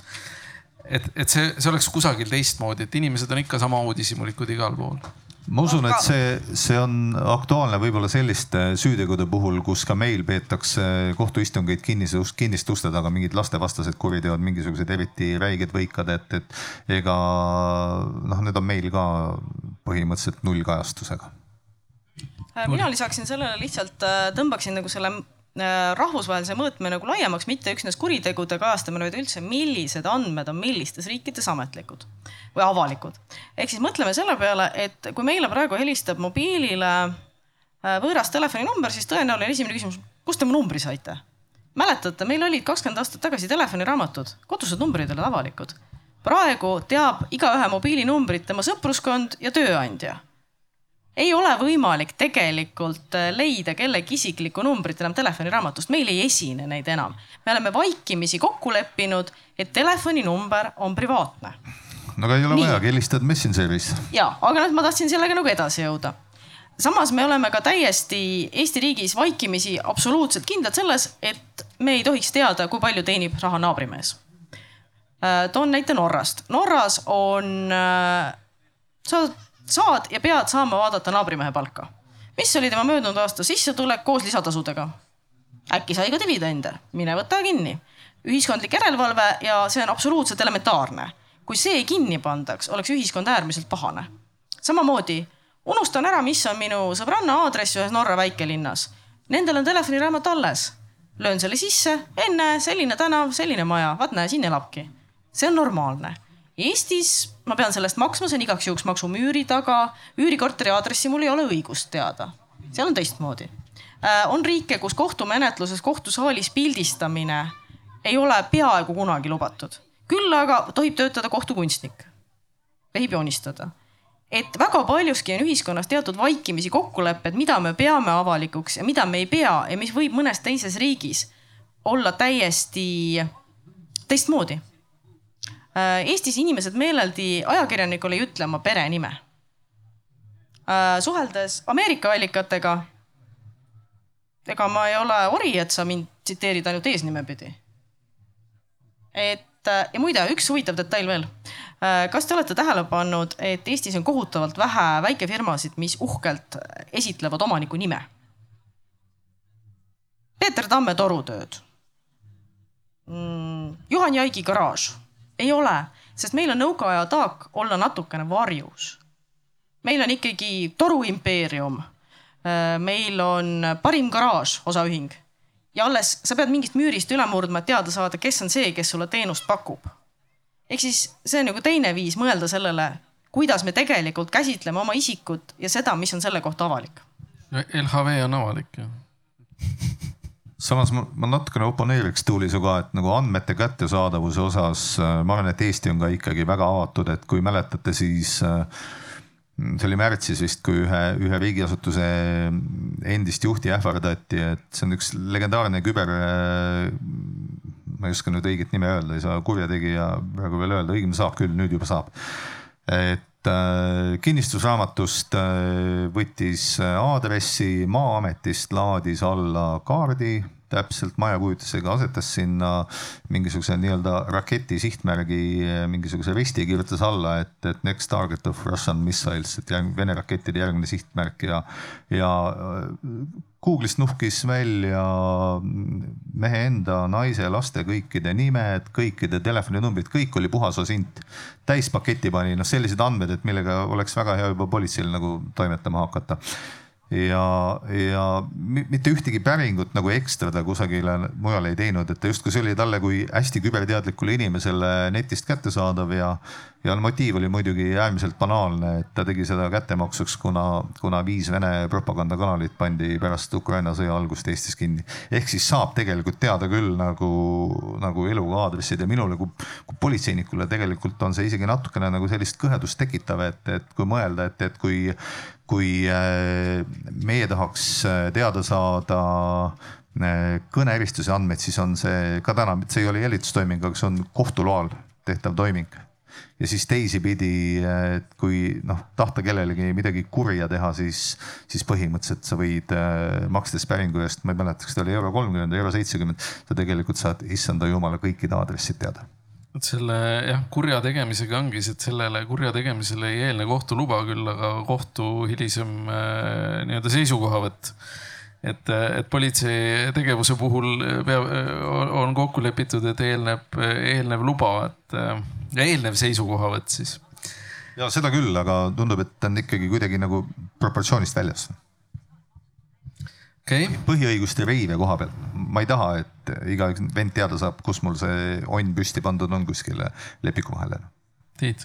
kui siia juurde mõelda nüüd siin talvel toimunud sündmused, kus kohas lumepallidega eriüksuslasi pommitati, vaata, et kui noh, siin oli tohutu poleemika ka, et, et, et politseinikelt võeti vist nimed küljest ära ja pandi numbri tasemele minu enda isiklik arvamus, väga mõistlik tegevus, kui need numbrid on võimalik isikutega kokku viia, kui mingi jama on, vaata. aga seda, et, et suvalised inimesed saavad su nime lugeda ja selle põhjal minna su perekonda ähvardama, sellepärast et neile ei meeldinud mingisugune aktsioon, milles ka politsei tegelikult süüdi polnud, vaata. siis see on nagu jällegi inimesena tekitab küsimuse, et kuulge sõbrad, nad tulid tegelikult kodanikke kaitsma ja nüüd te teete sihukest nalja või, et noh, äkki ei peaks see taktika äh, sai alguse meil tegelikult kaks tuhat seitse pronksi mäsu ajal, kus äh, vene perekonnanimedega politseinikke ähvardati seal ja öeldi, et paneme nimed kirja, et ei peaks olema teisel pool rinnet, et see oli, see oli esimene, esimene juhtum. oli küll jah, aga korra viskan veel sellise asja üles, et me hästi palju räägime sellest, et äh, et noh, kas, kas kellestki võib enne süüdimõistvat kohtuotsust kirjutada või mitte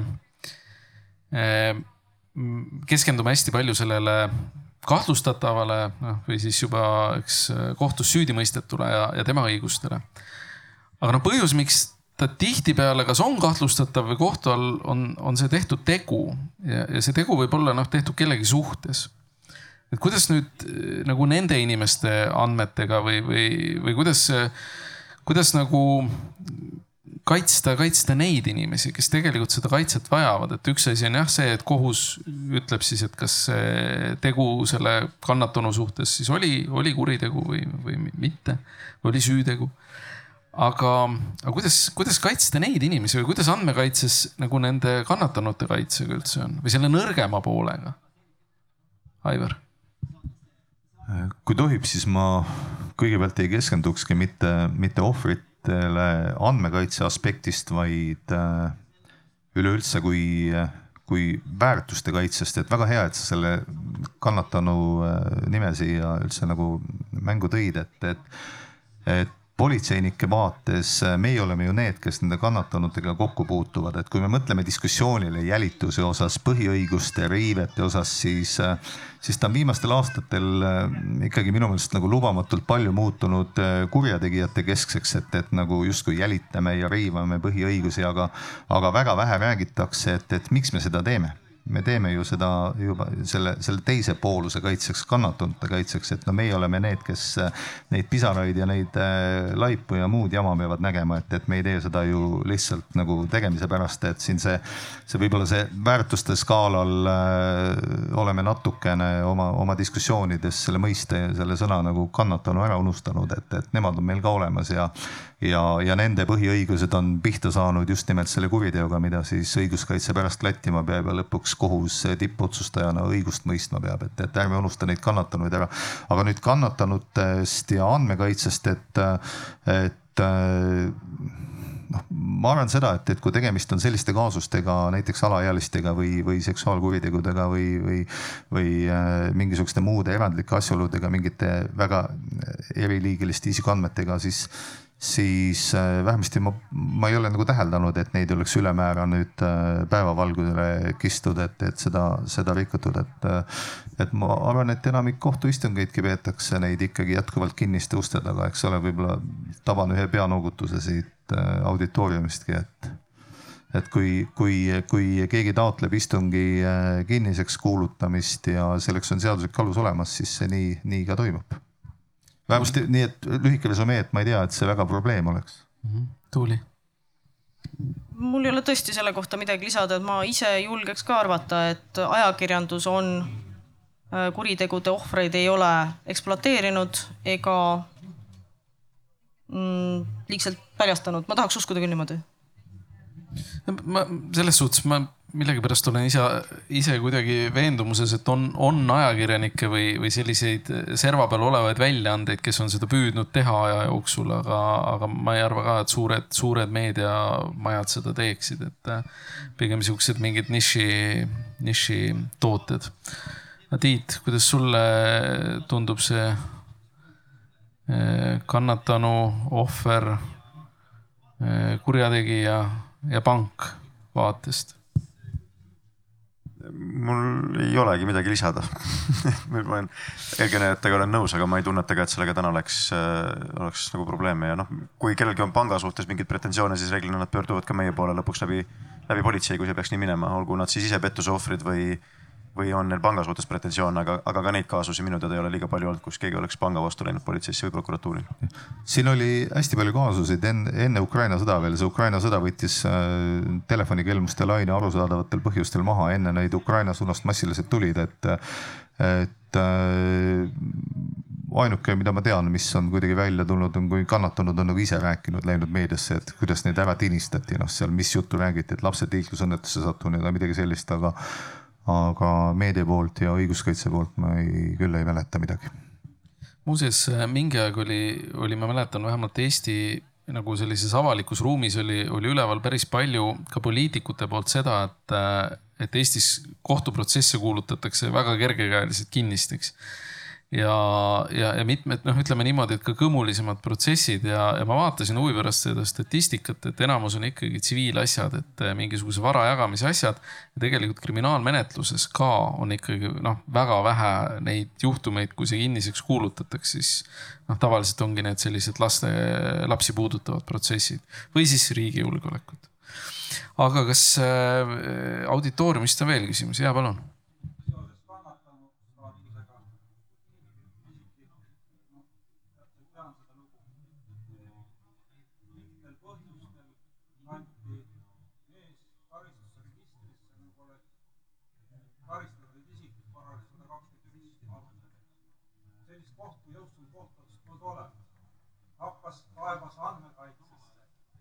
ja siis tekkis selline, kuidas riik hakkab ennast riik kaitsema, kaitsma.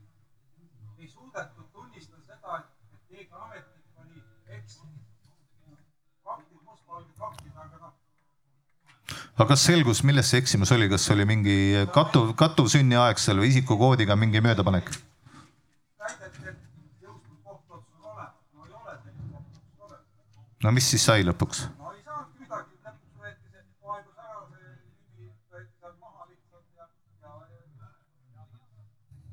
hea meelega kontrolliks üle selle. pärast, pärast saad andmed ja siis saad üle kontrollida neid andmeid. nii, aga veel küsimusi? meil on veel äh, natuke aega. Veebist on äh, tulnud paar küsimust küll ja ma võin need tegelikult ära küsida küll, et, äh, et ma panen paar tükki kokku, et kas politsei peab teleoperaatorilt luba küsima, et jälitada või kuidas see käib lühidalt ja kas kolmandaid osapooli teavitatakse jälitustegevusest, kui nad juhuslikult lindile jäid?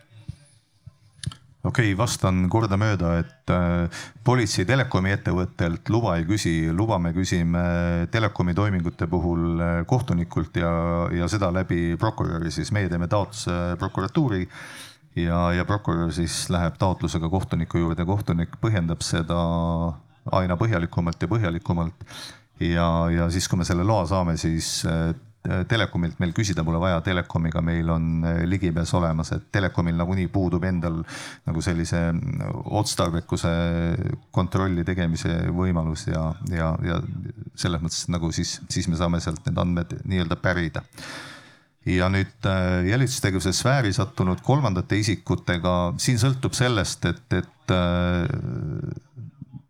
kui palju ja, ja noh nii uurimisasutuse kui prokuröri hinnangul, et, et kui, kui sügava riivega nad meie luubi alla satuvad, on see siis varjatud jälgimine, on see siis äh, telefonikõnede pealtkuulamine.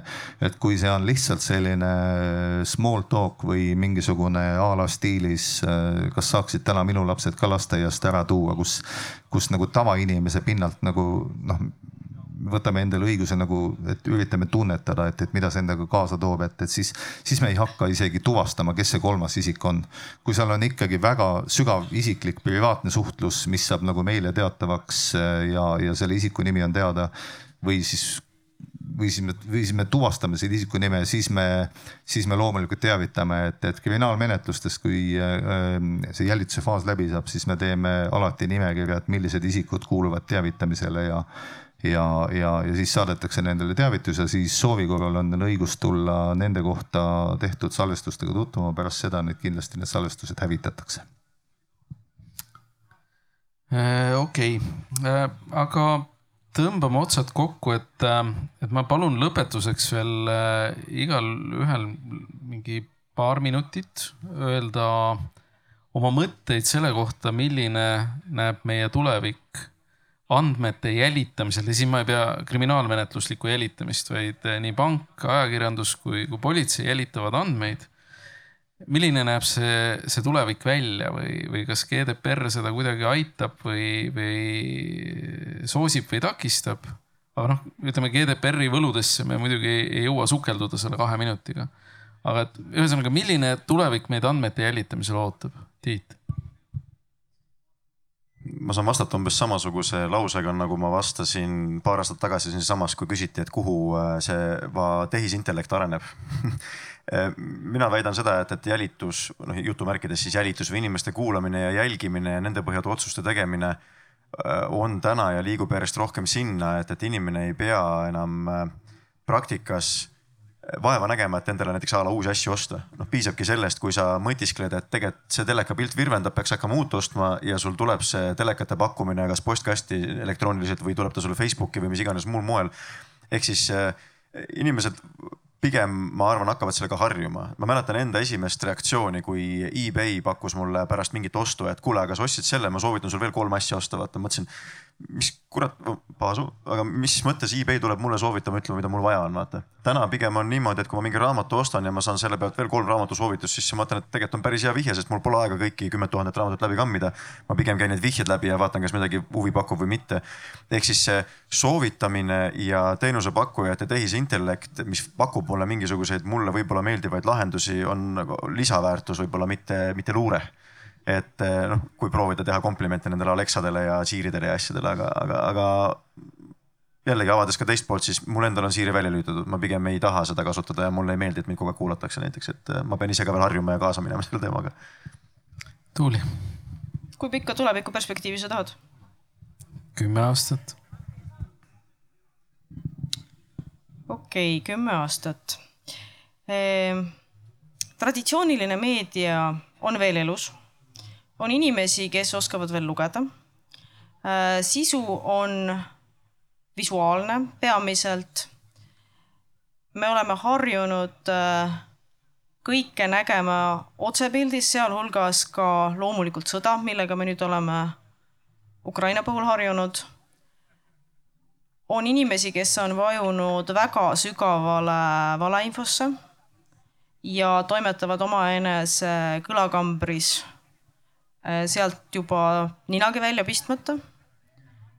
Äh, infosõda on tõhusam kui iial varem. ja samas ka need, kes oskavad sellises keskkonnas opereerida, omavad rohkem andmeid ja rohkem informatsiooni kui iialgi varem. umbes nii.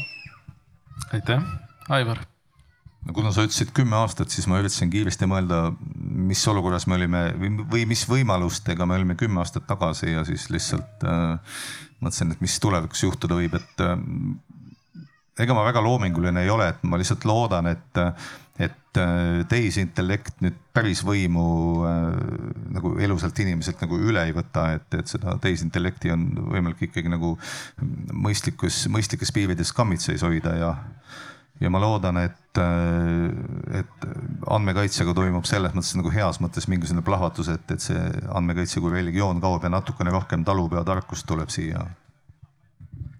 talupojatarkusega pole andmekaitses midagi pistmist ma kardan ka seda, aga noh, ma lood-, ütlesin, ma loodan okei okay,, ma, ma millegipärast arvan, arvan ka, et mingisugune muutus andmekaitse, andmekaitserinnetelt tuleb kasvõi seoses tehnoloogia arenguga, mis toimub võib-olla välja, väljaspool GDPR-i mõjupiirkonda ja meil on võimalus, kas neid tehnoloogilisi vidinaid kasutada või, või siis kolida sinna, kuhu neid saab kasutada. Äh, aga ma väga tänan selle, selle paneeli eest, et äh, suur-suur tänu, Tiit Hallas, LHV infoturbejuht. Tuuli Jõesaar, Päevalehe ajakirjanik ja Aivar Alavere, kes kriminaalpolitsei juht. suur tänu ja, ja edukat andmekogumist. aitäh. aitäh kõigile. aplaus loomulikult esinejatele. suur tänu, Erki, sulle ehm, selle teema lõpetuseks püüaks tänast päeva näha nüüd sellisel kombel, et kuidas on meil temaatika arenenud küllaltki isiklikele tasanditele. Et kui me mm, alustasime, siis, siis me rääkisime hoopis pehmematest asjadest ja lõpuks me jõuame siis välja kriminaalsete, kriminaalsete väljunditeni. aga loomulikult turvalisust loome me ikkagi kõik ainult ise ja, ja, ja nende maailmade ühildamine saab toimuma ikkagi isikliku kogemuse läbi ja mis puudutab nüüd selliseid andmeid, mida täna ka siin nüüd lahati, siis küllaltki suur osa sellest andmetest on ju kogutud meie endi poolt iseenda kohta või siis oma sõprade kohta või markantsemad näited on täna sotsiaalmeedias ju tegelikult, kui palju äh, omavahel viha või siis vaenujalal olevad inimesed üksteise kohta on valmis kaevuma erinevatesse sügavustesse isiklikke andmeid kõigepealt koguma ja seejärel juba neid ka siis avaldama. Et noh kättemaksuks lolli naabrimoti eest või, või midagi sellist ja, ja keegi ei häbeneda ka seda ütelda, et see täna on üks asi, mis tegelikult meie siseturvalisust küllaltki suurel määral ohustab ja mille vastu me saame ise küllaltki suurel mahus võidelda just sellega, et me jälgime küllalt täpselt, milliseid andmeid me tegelikkuses kuhugi sotsiaalmeediasse või avalikku ruumi avaldame, et noh, me ei lähe Eh, pehmelt öeldes Coopi eh, Konsumi ette kõike seda kellelegi teisele kuulutama, küll aga oleme valmis kõiki neid andmeid siis avaldama sotsiaalmeedias, mis sisuliselt võrdub avaliku kohaga täpselt samamoodi nii et see on üks äh, murekoht, mida tuleb lahendada ilmselgelt tänases paneelis praegu siin, äh, mis just lõppes, seda küsimust nii lähedalt lahata ei saa, sest et proovime siis veel andmeid koguda, et oskaks võib-olla järgmisel Arvamusfestivalil sellest juba natukene lähemalt rääkida. aga poole tunni pärast, täpselt kolmekümne minuti pärast on siis teie ees tänaõhtune viimane finaalpaneel ning tuline teema põgenikud, põgenikud, põgenikud Astangu Kutserehabilitatsiooni Keskuse direktor Gert Valdaru on moderaator ja esinejateks äh, Egert Belitšev, PPA peadirektori asetäitja piirivalvealal. Äh, Raivo Sults, Sotsiaalkindlustusameti kriisireguleerimise osakonna juhataja. MTÜ Eesti Pagulasabi tugiteenuste juht Anu Viltrop, Eften Capital aktsiaselts tegevjuht Viljar Arakas ning Õhtulehe peatoimetaja Martin Šmutov karm ja, ja tõeline teema, mis täna puudutab meid ehm, vaatamata sellele, et me seda aasta tagasi ei tahtnud. nii et ehm, me mitte ei lepi sellega, vaid tuleme toime sellega. ma loodan, et teema ei lähe tuliseks, proovime jääda rahulikuks ja poole tunni pärast näeme, tehke üks väike rahustav kohvi, nautige suurepärast ilma ja teisi arvamusi. kohtume varsti. selge see, et ega kõike teha see